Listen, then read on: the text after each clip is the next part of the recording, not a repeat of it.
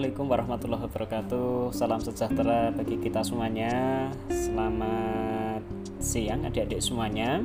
Disyukur Alhamdulillah pada kesempatan hari ini eh, Kita bisa melanjutkan ya kegiatan diskusi kita terkait dengan seminar PAUD Yang hari ini eh, Mohon maaf Pak Moko tidak bisa bersama teman-teman bertatap muka di Google Meet Tetapi uh, memang informasinya adalah teman-teman sudah berupaya dengan baik ya menyampaikan presentasi atau paparan ya pagi hari ini atau siang hari ini terkait dengan eh, hasil-hasil uh, penelitian yang sudah diperoleh dari berbagai macam jurnal bereputasi. Baik di kesempatan pertama ini teman-teman kita akan mendengarkan ya paparan dari kelompok satu ada Mbak Kusuma Wardani Prabandari, ada Mbak Maesti Aulia, ada Mbak Miladia, Mbak Nurwidia, Mbak Rida Fauzia, Mbak Risma Khairunisa dan Mbak Windy Naftalia. Oke. Di kelompok satu ini nanti teman-teman akan menyimak ya paparan terkait dengan permasalahan di aspek kognitif ya. Mari kita dengarkan dengan seksama, kita perhatikan apa masalah, kemudian metode dan juga hasil dari masing-masing penelitiannya. Silahkan Mbak Mila dan teman-teman untuk uh, memulainya.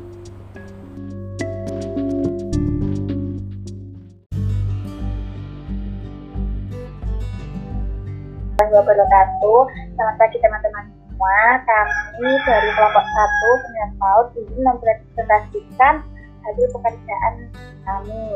Uh, kami terdiri dari beranggotakan dari Kusmawat Dani, Prabandari, Maisi Aulia Rahma, Miladi Putri Nazidah, Nurwidiati Astuti, Rida Fauziah, Risma Khairunisa, Windy Natalia Sutantio. Baiklah, mungkin bisa dimulai presentasi dari kami.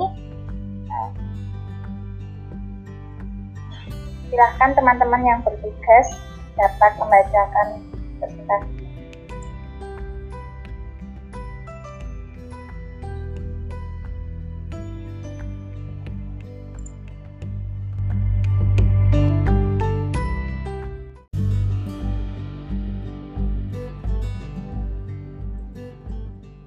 Ya baik.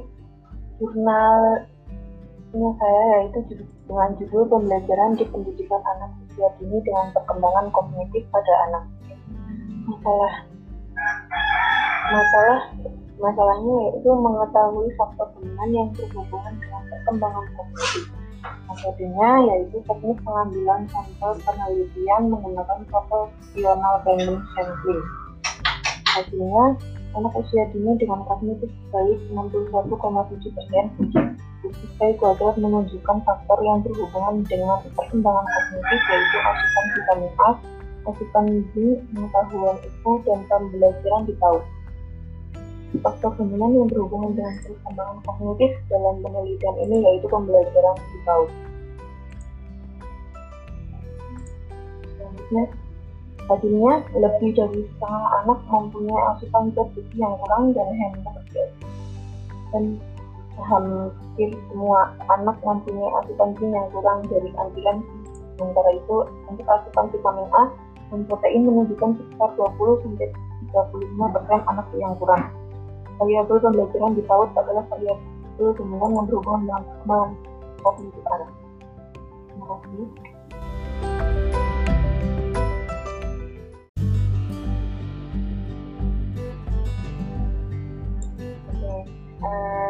Baik teman-teman, selanjutnya saya akan uh, menjelaskan uh, untuk propos untuk jurnal untuk jurnal yang saya cari itu judulnya itu Useful of Lab Hand Games for Optimalist Cognitive Aspects in Early Childhood Education.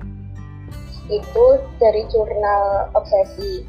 Uh, untuk masalahnya, jadi itu permainan tepuk yang diterapkan oleh guru dalam pembelajaran di PAUD itu masih kurang bervariasi. Kayak gitu. Jadi guru mengulang-ulang permainan tepuk yang sama pada setiap harinya. Jadi hal ini berakibat kurang antusiasnya anak-anak dalam mengikuti proses pembelajaran. Nah, untuk metode eh, untuk metodenya ini menggunakan metode deskriptif analisis studi kasus dengan pendekatan kualitatif dan untuk hasilnya nah untuk hasilnya itu pelaksanaan dari studi kasusnya ini itu um, mendapatkan hasil bahwa pelaksanaan pemanfaatan permainan tepuk dapat mengembangkan aspek perkembangan kognitif anak usia dini pada usia 5 sampai tahun. Seperti itu. Nah,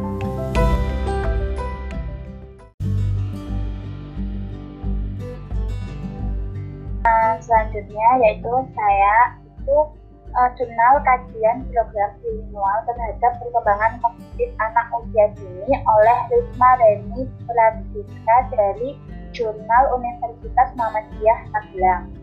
Nah, masalahnya yaitu pro dan kontra konsep bilingualism terhadap perkembangan kognitif anak yang mengikuti program bilingual yang menggunakan metode studi kepustakaan dengan hasil yang diperoleh satu, kemampuan berbahasa erat hubungannya dengan perkembangan kognitif anak.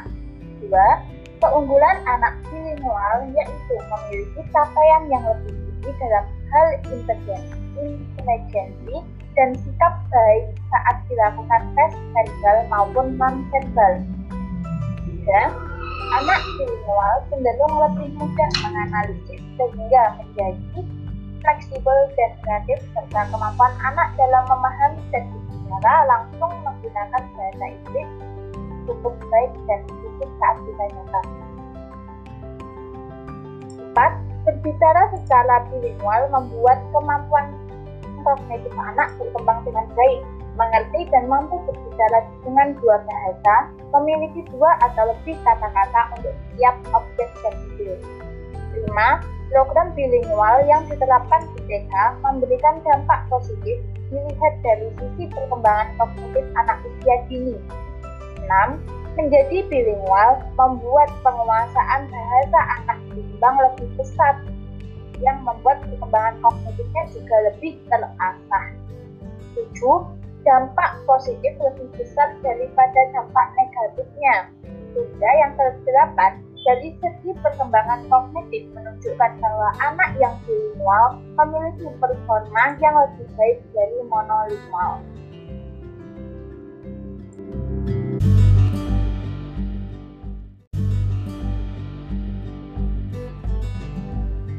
Jurnal berjudul Cross Domain Association of Key Cognitive Correlates of Early Reading and Early Arithmetic in years old. Masalah yang terdapat dalam jurnal tersebut adalah apakah ada perbedaan individu dalam membaca awal dan aritmatika awal sudah terjalin sebelum dimulainya sekolah formal dan apakah tumpang tindih ini antara lain didorong oleh basis kognitif. Digunakan yaitu melakukan tes atau ujian terhadap 88 anak TK yaitu terdiri dari 101 perempuan dan 87 laki-laki. Dari 7 sekolah yang hasilnya yaitu membaca awal dan berhitung awal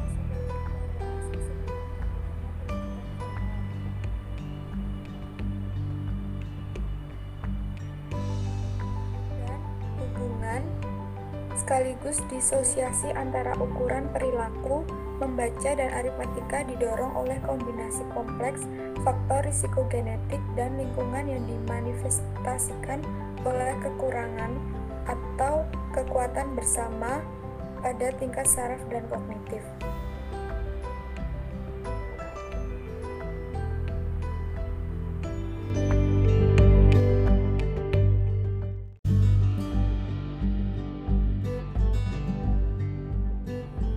Mila, terima kasih. Selanjutnya, jurnal Implementation of Game Research Thematic Science Approach in Developing Early Childhood Cognitive Capability, yang artinya penerapan pendekatan sains tematik berbasis game dalam pengembangan kemampuan kognitif anak usia dini oleh Nimade Ayu Suryaningsih dan Niluh Rindiati. Di sini saya menemukan jurnalnya di jurnal Obsesi.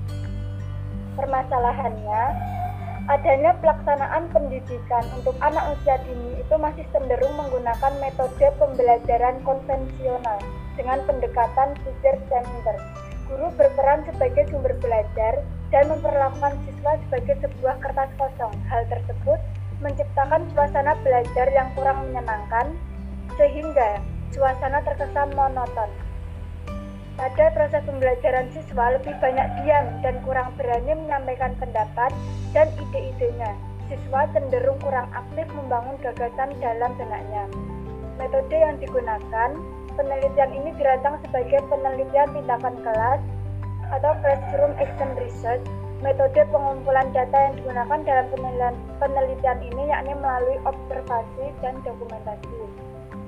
Hasilnya, peningkatan kemampuan kognitif anak usia dini pada pengukuran kemampuan kognitif anak pada observasi awal itu menunjukkan ketuntasan sebesar 37,5 persen.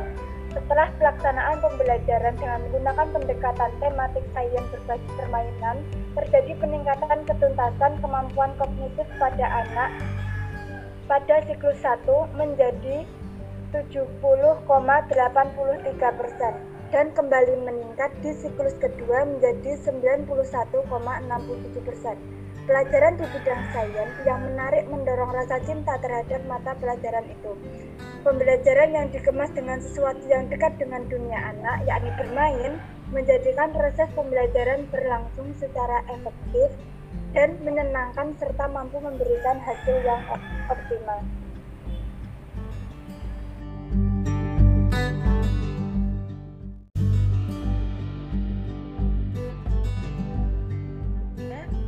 Pendekatan kontekstual dalam meningkatkan hasil belajar sains pada anak usia dini. Masalah yang terdapat dalam jurnal ini adalah bagaimana pembelajaran sains permulaan pada anak usia dini, khususnya kelompok B usia 5-6 tahun, dengan menerapkan pendekatan kontekstual. Metode yang digunakan adalah metode penelitian tindakan kelas atau classroom action research. Hasilnya, terjadi peningkatan yang signifikan dalam anak belajar sains dengan menerapkan pendekatan.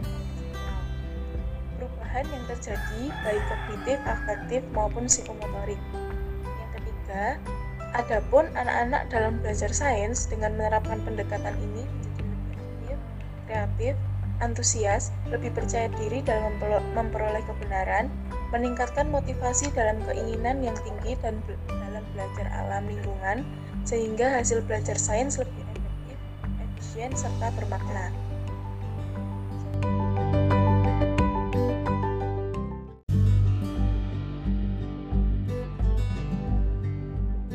Selanjutnya adalah efektivitas pemberian teori okupasi kognitif untuk mengingat gambar terhadap peningkatan kognitif anak autisme usia sekolah di SLB Autisma Permata Bunda Kota Bukit Tinggi. Nah, jurnal ini saya rangkum dari jurnal Stikes Perintis. Nah, permasalahan pada jurnal ini adalah anak usia dini yang tergolong dalam anak berkebutuhan khusus atau autisme sering mengalami kesulitan dalam menerima materi pembelajaran di sekolah, yaitu dalam menerima, memproses, maupun menyimpan informasi dari guru. Lalu, metode yang digunakan adalah metode studi literatur. Hasil yang didapatkan dari penelitian ini adalah Hasil pemberian teori okupasi dalam meningkatkan kemampuan kognitif atau mengingat gambar terhadap peningkatan kemampuan kognitif pada anak autisme menunjukkan adanya peningkatan. Dibuktikan dengan sebelum dilakukan teori okupasi, rata-rata kemampuan kognitif pada anak autisme adalah 60,27. Lalu setelah dilakukan teori okupasi menjadi 64,73. Dalam hal ini membuktikan bahwa ada peningkatan sebesar 4,46 setelah dilakukan teori okupasi. Nah, sebagai tambahan, apa sih teori okupasi itu? Teori okupasi adalah teori yang diberikan oleh tenaga medis kepada anak-anak dengan kebutuhan khusus untuk mengajarkan mereka tentang keterampilan kognitif, keterampilan fisik, ataupun keterampilan hidup dengan tujuan agar anak-anak berkebutuhan khusus dapat hidup dengan mandiri. Seperti itu, sekian dari saya. Saya kembalikan ke moderator.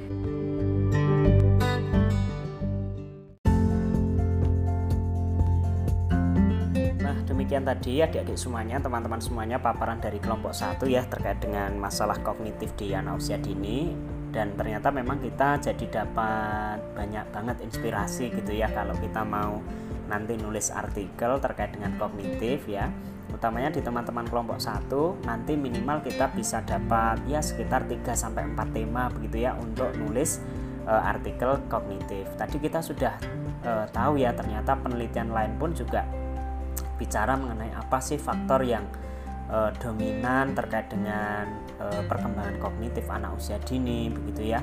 Terus kemudian ada tadi juga dibahas terkait dengan uh, permainan tepuk ya. Jadi mungkin kita suatu saat bisa tuh melakukan penelitian khusus terkait dengan permainan-permainan tepuk atau bahkan kita bisa buat tuh ya buku terkait dengan permainan tepuk disertai dengan audio atau mungkin videonya begitu ya sehingga nanti bisa menjadi salah satu solusi untuk mengembangkan uh, apa kognitif di anak usia dini. Kemudian juga tadi dibahas ya terkait dengan konsep bilingual ya, dwi bahasa.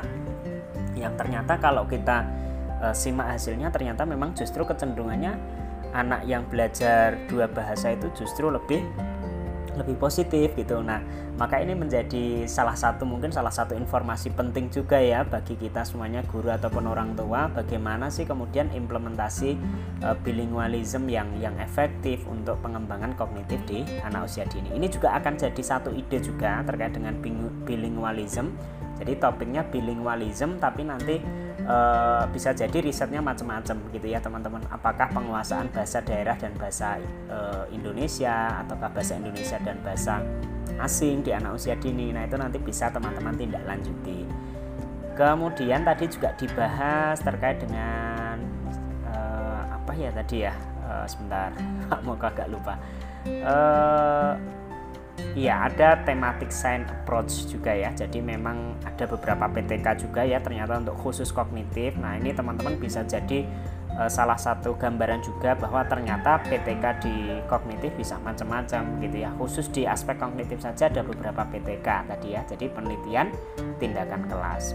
Based on bergantung pada uh, masalahnya apa dulu di kognitifnya berdasarkan data-data kelemahan kognitif yang ada di lapangan ya terus uh, ya terakhir tadi ada terapi okupasi ya ini khusus untuk anak yang autism ya jadi uh, minat mungkin ya minat pada penelitian terkait dengan kebutuhan khusus ya pada aspek kognitif ini juga menjadi salah satu topik yang menarik juga yang barangkali teman-teman bisa nanti perdalam di dalam riset-riset selanjutnya. Oke, terima kasih banyak teman-teman kelompok satu ya.